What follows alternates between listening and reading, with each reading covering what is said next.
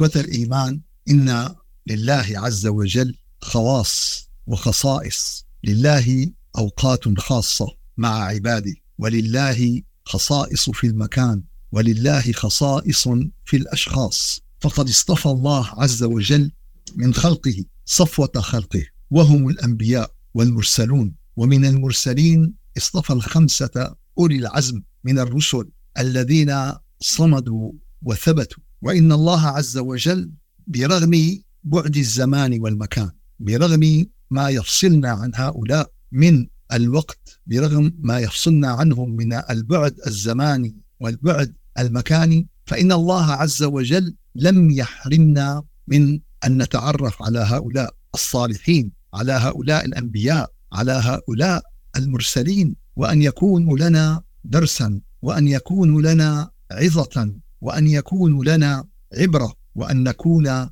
لهم محبين ومساندين وشهداء يوم الدين. وكذلك جعلناكم أمة وسطا لتكونوا شهداء على الناس ويكون الرسول عليكم شهيدا. فأنتم الأمة الوسط. أنتم الذين ستشهدون لنوح أمام قومه. أنتم الذين ستشهدون لإبراهيم ولموسى ولعيسى. فأتاح لنا الله عز وجل من خلال القرآن الكريم أن ندخل في مدارسه. ما أجمل أن ندخل في مدرسة نوح. ما أجمل أن ندخل في مدرسة إبراهيم في مدرسة موسى في مدرسة عيسى.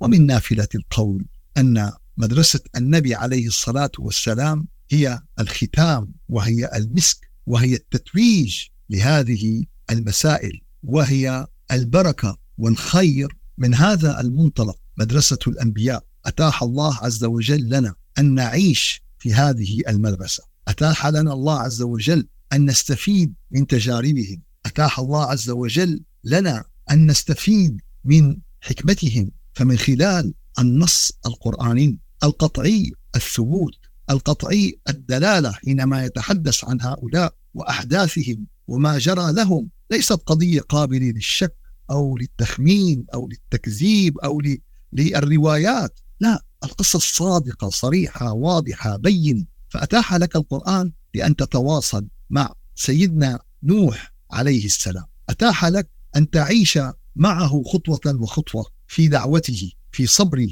في ألمه في تحمله في رحمته وخوفه على قومه وعلى أهله وعلى أبنائه.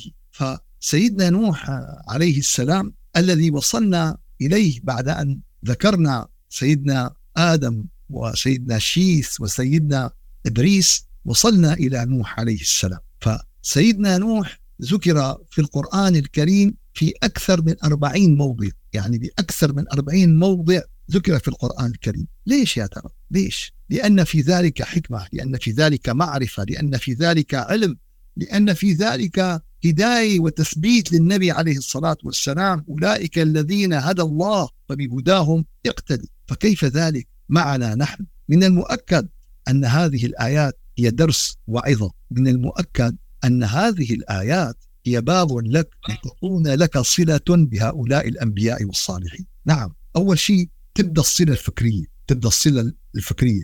ثم بعد ذلك تبدأ الصلة الحبية. فأنت تحب هؤلاء وتعشق هؤلاء. نقول الواحد أنت مين بتحب؟ بيقول لك والله لاعب الفوتبول الفلاني. أنت مين بتحب؟ والله المغنية الفلانية أنت مين بتحب؟ والله السياسي الفلاني. أنت مع مع من أحببت. أنت يوم القيامة مع من أحببت. أنت مين بتحب؟ والله أستاذي الكذا. أنت مين؟ طيب أنت مين بتحب؟ قال والله أنا بحب سيدنا نوح. يا سلام. أنت مين بتحب؟ والله بحب سيدنا إبراهيم. أنت مين بتحب؟ سيد الخلق والبشر. سيدنا النبي عليه الصلاة والسلام مو بالكلام بالحقيقة. الحب كيمياء الحب إحساس الحب شعور الحب صلة. فإذا أحببت أنت هؤلاء ما هو الطريقة وما هو الوسيل الوسيلة الله عز وجل أعطانا القرآن الكريم. باب لنا لكي نصل إلى هؤلاء. فإذا درستهم وعرفتهم وانتسبت إلى مدرستهم نحن نجي نسأل الإنسان له مين شيوخك على مين؟ إلا قرأت على يد الشيخ الفلاني ودرست الفقه على يد الشيخ الفلاني ودرست كذا. عظيم. وهذا كله رائع وجميل و... ولكن ما أجمل أن نضيف إلى ذلك. وتعلمت صبر الدعوة من مدرسة سيدنا نوح عليه الصلاة والسلام. وتعلمت مدرسة الحكم من مدرسة شعيب ولقمان عليهما السلام. وتعلمت مدرسة مدارس الله عز وجل فتح لك إياها في القرآن الكريم. فتنتسب لهذه المدرسة ثم تنشأ علاقة الحب بينك وبين أستاذ هذه المدرسة ثم بعد ذلك تنشأ بينك وبينه علاقة روحية وإذا كانت هذه العلاقة استمرت إلى يوم القيامة. يحشر المرء معا مع من أحب. يا سلام يا سلام. إذا الله عز وجل حشرنا يوم القيامة مع سيدنا النبي عليه الصلاة والسلام. إذا حشرنا يوم القيامة مع سيدنا نوح مع سيدنا إبراهيم مع سيدنا عيسى مع سيدنا يعني أولئك آبائي فجئني بمثلهم إذا جمعتنا يا جرير المجامع. فإذا نشأ أبنائنا على هذه المحبة وقبل أبنائنا بدنا ننشأ نحن على هالمحبة. رب العالمين ليه ذكر لك يعني سيدنا نوح 40 مرة بالقرآن بس مشان نقول قصة الطوفان. طبعا قصة الطوفان أساسية ومهمة وضرورية ولكن نحن بحاجة لأن ندخل هذه المدرسة. بحاجة لأن ندخل هذه المدرسة لبيان النقاط الأساسية ونقاط العلام في الصراط المستقيم. فالصراط المستقيم بدأ مع آدم وكان عليه كل الأنبياء والمرسلين إلى قيام الساعة. فكل نبي من الأنبياء حدد لك معالم الصراط المستقيم. فيوم نحن نطلب من رب العالمين اهدنا الصراط المستقيم. إيه؟ شو بنساوي بعدين؟ بتقول له يا رب رزقني. طيب بعد ما بتقول له يا رب رزقني بتقوم بتروح على شغلك تعمل اجعل مع الدعاء قطرانا مع الدعاء في قطران. بتقول له يا رب طعمينا. بعد ما بتقول له يا رب طعمينا بتقوم على المطبخ بتجهز الطعام. طيب اهدنا الصراط المستقيم. بس بنقول اهدنا الصراط المستقيم. ما بدنا نعرف الصراط المستقيم. ما بدنا نعرف دلائل الصراط المستقيم. أنا اليوم واحد بيقول لي بيقول لي أخي في محل فلاني منيح. اللي اعطيني العنوان. ما بكفي تقول لي في محل بدي العنوان. بدي الطريق اللي بدي أسلكه لكي, لكي أصل إلى هذا الهدف. فنحن يوم نقول اهدنا الصراط المستقيم. كيف بس فقط نكتفي بهذا الدعاء. لابد من دخولنا في مدرسة الأنبياء والمرسلين وآخرهم سيدنا النبي عليه الصلاة والسلام. نوح عليه السلام ويعتبرونه بمرحلة من المراحل هو أبو البشر فهو من آباء البشرية هو من أولي العزم من الرسل هو من الصابرين. الدخول إلى مدرسة نوح عليه الصلاة والسلام هو شيء هام وهام جدا وهذا موجود في القرآن الكريم. ذكر الله سيدنا نوح في أكثر من أربعين موطن وهذه المواطن سنمر عليها ونرى الحكمة فيها ونرى ماذا أراد الله عز وجل منا في فهمها. أول ما ذكر سيدنا آه، سيدنا نوح عليه السلام ذكر في سورة النساء في الآية 163 في سورة النساء في الآية 163 إنا أوحينا إليك يا محمد صلى الله عليه وسلم. كما أوحينا إلى نوح والنبيين من بعده وأوحينا إلى إبراهيم وإسماعيل وإسحاق ويعقوب والأسباط وعيسى وأيوب ويونس وهارون وسليمان وآتينا داود زبورا ورسلا قد قصصنا عليك من قبل ورسلا لم نقصصهم عليك وكلم الله موسى تكليما رسلا مبشرين ومنذرين لئلا يكون للناس على الله حجة بعد الرسل وكان الله عزيزا حكيما. فهذه الآيات دلالة واضحة ودلالة كبيرة أن الله عز وجل قد أوحى للنبي عليه الصلاة والسلام كما أوحى لجميع الأنبياء والمرسلين. فالأساس في التعليم أساس في المعرفة أساس في الصلة بالله عز وجل أساس في معرفة الصراط المستقيم هو وحي السماء. وحي السماء هو الأساس. هو الأساس في بناء الفكر والعقل والروح في بناء الصلة مع الله في بناء المعرفة مع الله. إنا أوحينا إليك كما أوحينا إلى نوح والنبيين من بعده. وذكر الله عز وجل وعدد الله عز وجل هؤلاء الأنبياء وعدد الله عز وجل هؤلاء المرسلين. الموطن الثاني الذي ذكر فيه سيدنا نوح عليه السلام في سورة الأعراف أو عجبتم أن جاءكم ذكر من ربكم على رجل منكم لينذركم. واذكروا إذ جعلكم خلفاء من بعد قوم نوح وزادكم في الخلق بسطة فاذكروا آلاء الله لعلكم تفلحون. طبعا الخطاب لبني إسرائيل. الخطاب لبني إسرائيل. وذكر هنا قوم نوح. ذكر هنا قوم نوح ليبين لنا أن سيدنا نوح هو نقطة علام. الله عز وجل عاد ببني إسرائيل إلى إيش؟ إلى نوح. ليش؟ عم بذكرهم بأجداده أنه أنتم هذا جدكم. جدكم نوح. مثل ما الله عز وجل ذكر قريش أن جدكم مين؟ إبراهيم. فاهتدوا بهدي إبراهيم. ف أو عجبتم أن جاءكم ذكر فأعاد بني إسرائيل إلى إلى نقطة أساسية إلى نقطة استراتيجية إلى نقطة علام. اليوم يا أحبابنا في علم اسمه علم الطبوغرافيا. علم الطبوغرافيا بتلاقي بأعلى الجبال حاطين لك نقطة حاطين لك إشارة إنه هي منطقة مر... هي بسموها نقاط علام هي بسموها نقاط علام. مثل ما رب العالمين حط لنا نجوم كانوا يهتدوا فيها بزماناتهم وبالنجم هم يهتدون. كانوا يشوفوا النجوم نجم القطب الشمالي يشير إلى الشمال نجم كذا نجم فكانوا يهتدوا.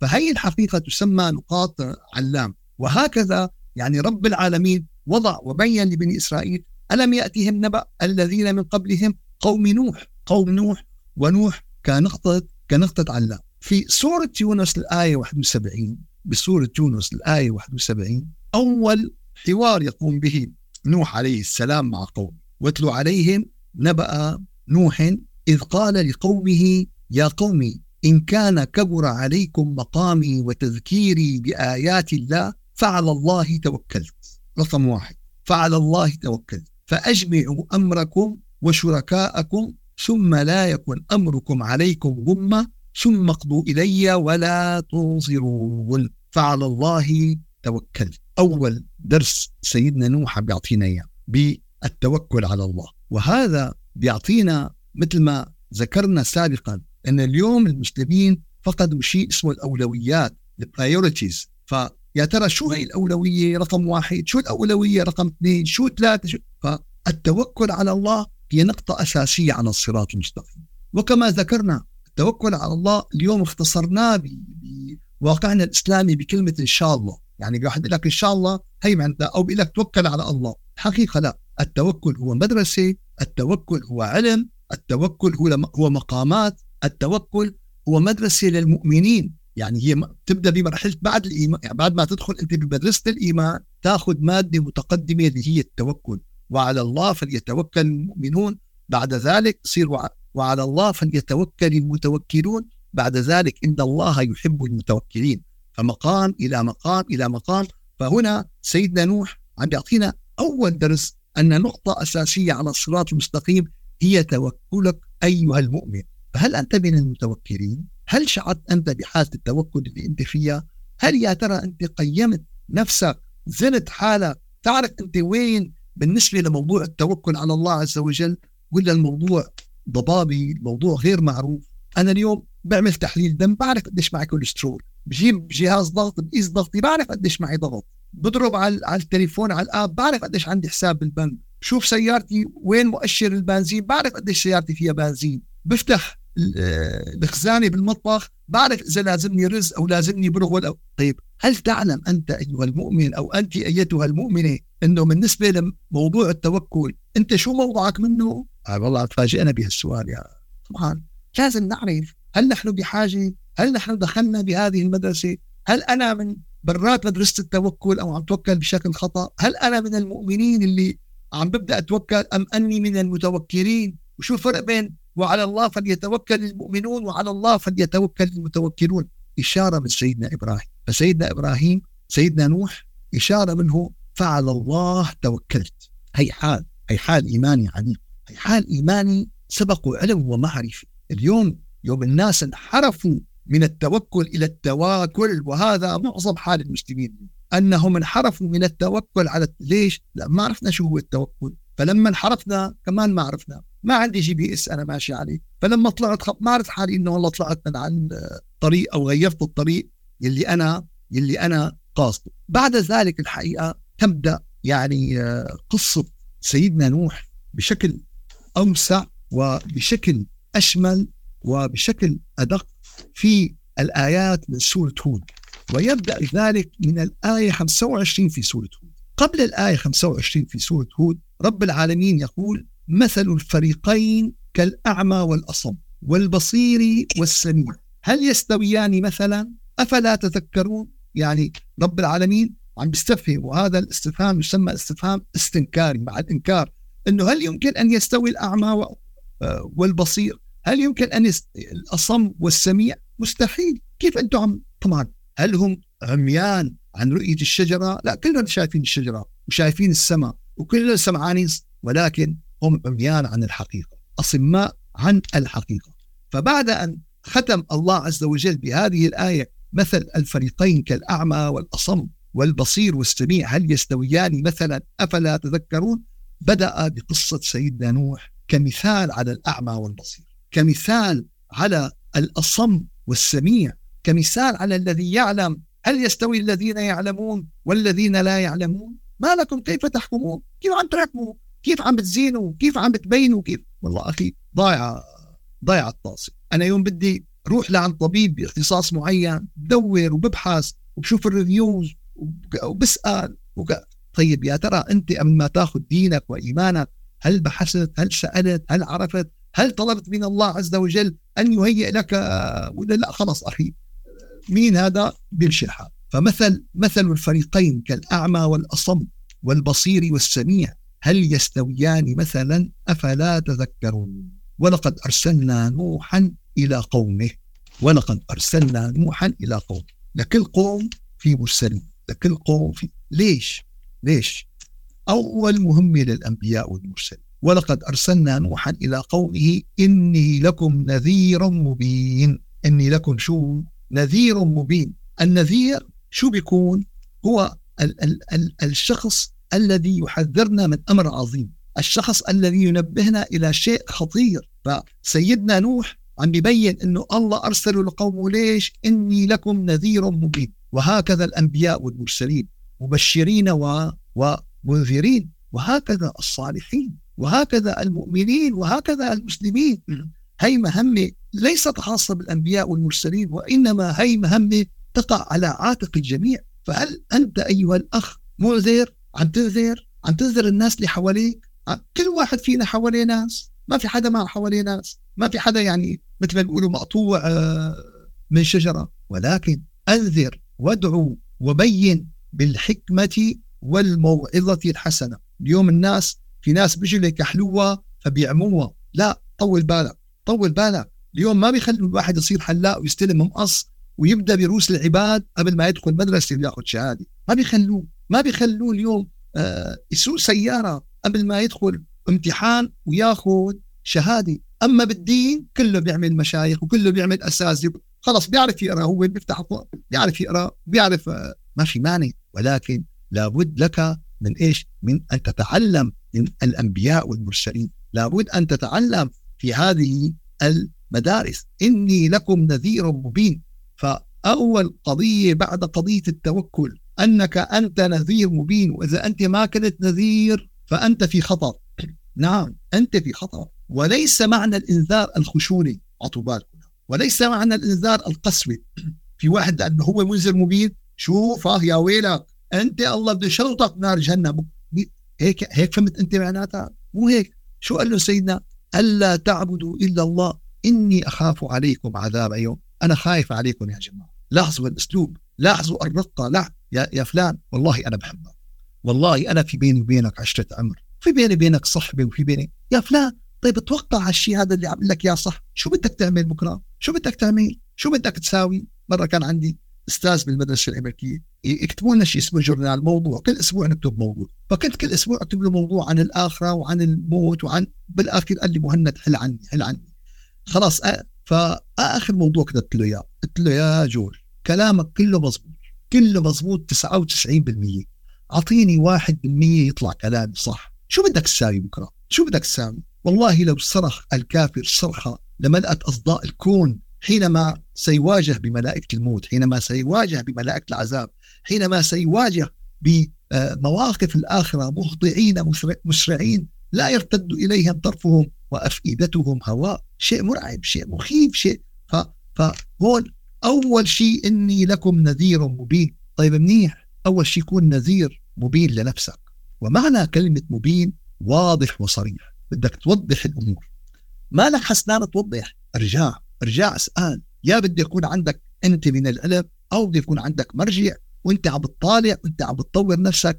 ليش؟ لأن اليوم التحديات مو سهلة. الولد الصغير اليوم بيسألك أسئلة بحطك آه، باقصى إذا ما كان عنده الإنسان هذه. فبدك تكون أنت نذير مبين. وما عليك إلا البلاغ المبين. الله خاطب النبي عليه الصلاة والسلام وكل الأنبياء والرسل وكل الدعاة من بعده إنه أنت عليك البلاغ المبين. بدك تعطيه البلاغ الواضح. عنده فكرة عنده كذا تعرفها بتعرفها ما بتعرفها بتجيبها بتوصلها. ولكن مع لطف الكلمة مع نعومة الأسلوب مع هذه الرقة النبوية إني أخاف عليكم عذاب يوم أليم. ف ولقد أرسلنا نوحا إلى قومه إني لكم نذير مبين. ألا تعبدوا إلا الله. العباده لله وحده. أعطوا بالكم. العباده لله وحده. لا لبشر ولا لشجر ولا لصنم ولا ولا ولا ولا لا شيء فوق الترابيزة ولا لا شيء تحت الترابيزة. العباده لا تكون إلا لله. نقطع السطر. أي شيء غير ذلك فهو اكزت على الصراط المستقيم. هو الخروج عن الصراط المستقيم. تكون طلعت أنت عن الصراط المستقيم. ألا تعبدوا إلا إلا الله. أعطوا بالكم هون في نقطتين في نقطة واضحة وصريحة وفي نقطة مخفية. النقطة الواضحة والصريحة إنه نحن لا نعبد إلا الله عز وجل الحمد لله. طيب النقطة الخفية أننا في عبادتنا عم نخلط بالخواطر والأوهام والشرود والتفكير فأنا واقف بالعبادة آه ظاهريا واقف بين يدين الله حقيقة أنا برات القصة طيب هي شو حكمة؟ قال هي حكمة أنك أنت تشعر بضعفك وخطأك وتحاول أن تعدل من هذا الأمر. ما بدك تستسلم. قال أخي خلص أنا بفوت بالصلاة. الحمد لله رب العالمين غير مغضوب عليهم. السلام عليكم ورحمة الله. هيك عم بصير فيني. يا طول الوقت عم تشوش وبضرب وبجمع وحسابات. مثل ما قلنا دائما إبليس بيجيب لك الملفات الحامية بالصلاة. بركي صار هيك بركي صار هيك. ففجأة بتلاقي أخذك وانتقل فيك من مرحلة لمرحله لمرحله تماما مثل اليوم الفيسبوك والواتساب وجوجل. يوم أنت يحطوا لك واليوتيوب تلاقي حطوا لك موضوع ودغري حطوا لك دعاية موضوع ثاني من اللي انت بتحبه. واحد ثالث واحد رابع واحد خامس مشان تطلع تلاقي أوه قضيت ساعة ساعتين ثلاثة أربعة. هل هل هالفتحة الشيطانية هي بده يكون عندك كنترول أنت عم تبحث على قصة. خليك بالقصة اللي عم تبحثها. لا تروح تلاقي حالك شرد بقصة ثانية وثالثه ورابعة وخامسة. تطلع بتلاقي حالك صار لك ساعتين عم تدور أو ثلاث. بدك تنتبه لهالموضوع. وهكذا الشيطان بفوتك بالصلاة. بدالك بملف بتوهك على وقت ثاني وثالث ورابع ما بتلاقي حالك غير شردت وانت وين واقف؟ وانت واقف بالصلاة خلال لحظات أو خلال ثواني. ألا تعبدوا إلا الله. فنحن كنية وكأساس لا نعبد إلا الله عز وجل. كممارسة نتفاوت في هذه الدرجة. فنسعى لتصفية عبادتنا. نسعى للإخلاص في عبادتنا. ونبحث في ذلك عن كل الوسائل والسبل. كل الوسائل والسبل. صلاتي بدها تظبط والحمد لله بدأنا بتجارب عملية مع شريحة متنوعة. بدأنا مع أطفال صغار بعمر عشر سنين مع شباب بعمر 15 سنة مع طلاب جامعة. ووصلنا إلى نتائج مرضية تماما في التحسن. تلاقي إنسان عنده دعوة وعنده عمل بيقول لك أنا بديت أشعر بالصلاة بديت أشعر بالصله بالله بديت أشعر بالعظيم هذا اللي بدنا إياه هذا اللي بدنا إياه. بتلاقي إذا واحد عملوا له عملية بعينه شو بيعمل له الطبيب؟ بيبرق له ضوء. فاذا بلش إنه عال كثير كانت العين ما عم بتشوف بلشت العين تشوف هلأ شوي شوي بدها إيش؟ شوي شوي بدها تتعافى وشوي شوي بدها تنصلح وشوي شوي بدها تستقيم. ألا تعبد إلا الله إني أخاف عليكم عذاب يوم أليم. بدنا نخاف على أبنائنا وعلى أحبابنا وعلى أقاربنا وعلى أصدقائنا. أصدقائنا صديقك عم تاكل معه وتشرب أنت وياه وكذا. طيب حاكي كلمة قال يا أخي والله بستحي بخجل بخجل منه. طبعا مين اللي بفت لك هذا الحياة؟ ابليس مو حلوة هلأ تفتح له هلأ بيقول عنك كذا هلأ بي... لا يا عمي دور ودور لتلاقي الطريقة المناسبة إنك توصل له فيها الكلمة الحلوة. لا توصل له إياها هيك يعني استزي و... ومشي. لا لا لا لا لاقي طريقة ناعمة لاقي كذا والله يا فلان تعرف شو رأيك بقصة الموت؟ طيب يعني بعدين شو ممكن يصير؟ طيب بركي بعدين في عنا حساب طيب ما لازم نحن نهتم بمواضيعنا؟ لك إيه والله أنا عم بفكر بهالموضوع. طيب خلينا نبدأ بخطوة يا أخي. صلي لك باليوم ركعتين. ليش بجوز؟ يا خمسة يا ما مصدق يا عمي هلا بلشت بركعتين بصير بتكمل على الصلوات الخمسة. يعني دائما في مثل بيقول لك اللي بده يكبر حجره ما بيضرب فيه. هذا اللي بدك تيجي لعنده بسط له الأمور. خف هو خايف عم بيطلع يلاقي الإسلام كله أحكام ومطالب شايفة كبيرة. عم يخليني برا أنا. ماشي حالي له لا يعني بلش شوي شوي. قد ما بتحسن قد ما بيطلع بإيدك قد ما كذا بعد شهر ما بيقول لك لا أخي عم جهز حالي لرمضان. أخي وينك وين رمضان؟ بيقول لك لا لا أنا هلا بجهز حالي. أنا عم كذا أنا ما بتلاقي غير بعد فترة سبقك ما بتلاقي غير بعد فترة. ولكن هذا كله كسب لك هذا كله إيش؟ كسب لك وفي صحيفتك وفي صحيفتي. ألا تعبدوا إلا الله إني أخاف عليكم عذاب يوم أليم. فبالطبع الناس سيجابهون وسيواجهون وسيمانعون وسيحاربون وسيأتوا بأي حجة. يوم أنت إنسان عم بيناقشك بده يجيب لك أي حجة. شو ما كانت الحجة هي أي حجة بده يجيب لك إياها في سبيل أنه والله يستطيع أنه يمنعك أو في يستطيع أنه يعرقلك فشو قالوا له؟ يعني آه، ما نراك إلا بشرا مثلنا. طيب شو يعني بشر؟ طبعا بشر مثلكم. أنا جاي قدوة لكم. أنا جاي معلم لكم يعني شو يجيب لك رب العالمين؟ معلم طير يعني ولا يجيب لك معلم ضفدع ولا؟ يكون بشر مثله.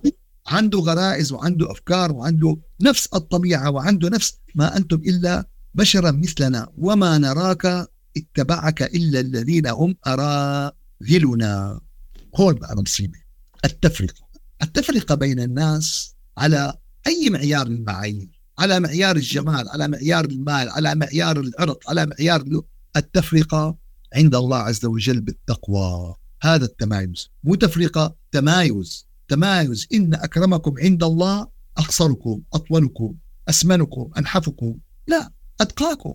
هذا التمايز عند الله عز وجل. أي تفرقة ثانية اليوم للأسف بالأوساط الدينية صار فيها التفرقة هاي. صار فيها التمايز. إنه مين هذا؟ شو عرفك إنه؟ قال لعل ملء الأرض هذا خير من ملء الأرض من هذا. هذا الإنسان البسيط الدرويش الطيب أحسن ما, تعبي الأرض كلها من هذا الإنسان. كم من الناس بتلاقيهم عاملين لحاله سطوة وهيبة وكذا هو للأسف الشديد يعني مثل ما بيقولوا يعني إخواننا المصريين من برا هلا هلا ومن جوا يفتح الله. من برا شغلة يا لطيف بس من جوا الحقيقة مخيفة. وما نراك اتبعك إلا الذين هم أراذلنا. بادي الرأي وما نراكم علينا من فضل بل نظنكم من الكاذبين. قال يا قوم أرأيتم إن كنت على بينة من ربي وآتاني رحمة من عنده فعميت عليكم أن نلزمكموها وأنتم لها كارهون. إذا يعني رب العالمين بعثني أنا بالرسالة وبالنبوة وكذا أنا ما راح أجبركم أنا ما راح أجبركم. ويا قوم لا أسألكم عليه مالا إن أجري إلا على الله وما أنا بطارد الذين آمنوا إنهم ملاقوا ربهم ولكن أراكم قوما تجهلون. كمان ما تظنوا أنا جاي لعندكم مشان أغنى. ما تظنوا أنا جاي لعندكم مشان أستخدم الدين كوسيلة للدنيا. وهي إشارة من سيدنا نوح إنه من ذلك الوقت كان الكهنوت والمعابد تستغل حاجة الناس للدين للاثراء وللمال ولكذا واستمرت القصة. يعني يعني إذا الموضوع من زمن سيدنا نوح موجود فما بالنا في هذا الزمان. فكثير الإنسان بده يكون حريص كثير الإنسان بده يكون واعي كثير الإنسان بده يكون فهمان ويقوم ويقوم لا أسألكم عليه مالا إن أجري إلا على الله وما أنا بطارد الذين آمنوا. أنا ما حاجي والله هدول الفقراء والدراويش أني أطردهم. كرمال إيش؟ كرمالكم. لأن هدول قد يكون واحد عند الله عز وجل عنده المكان العليا. فمثل ما ذكرنا التفرقة هي خروج عن الصراط المستقيم. التفرقة هي بعد عن صراط الله القوي حتى لو شعرت أنت بنفسك إنه أخي أمين هذا وأنا خير منه فاعلم أن هذا نفس شيطاني. هذا شو هذا؟ حتى اذا انت بينك وبين نفسك. قال شو بدي أساوي؟ قال اعلمي يا نفسي أنك بحاجة إلى التأديب. قصه أبو ذر الغفاري وبلال آه، الحبشي لما عيروا بدون أمه لما ذهب إلى النبي شو قال له النبي؟ إنك امرؤ فيك جاهلية، إن شاء الله يا إخواننا بنتابع في دروسنا القادمة مع مدرسة نوح عليه السلام. هذه المدرسة الرائعة هذه المدرسة التي فيها من الفضل هذه المدرسة التي فيها من العطاء. هذه المدرسة الذي نأمل أن نتخرج منها بمحبة سيدنا نوح وبالصلة مع سيدنا نوح وبالآخرة يوم تلتقي مع سيدنا نوح بيعرفك سيدنا نوح. بيعرفك لكن أنت أنت كان في هذه الصلة وهذه المعرفة وهذه المحبة. واحد بتقول له مين أصدقائك؟ بيقولوا فلان وفلان.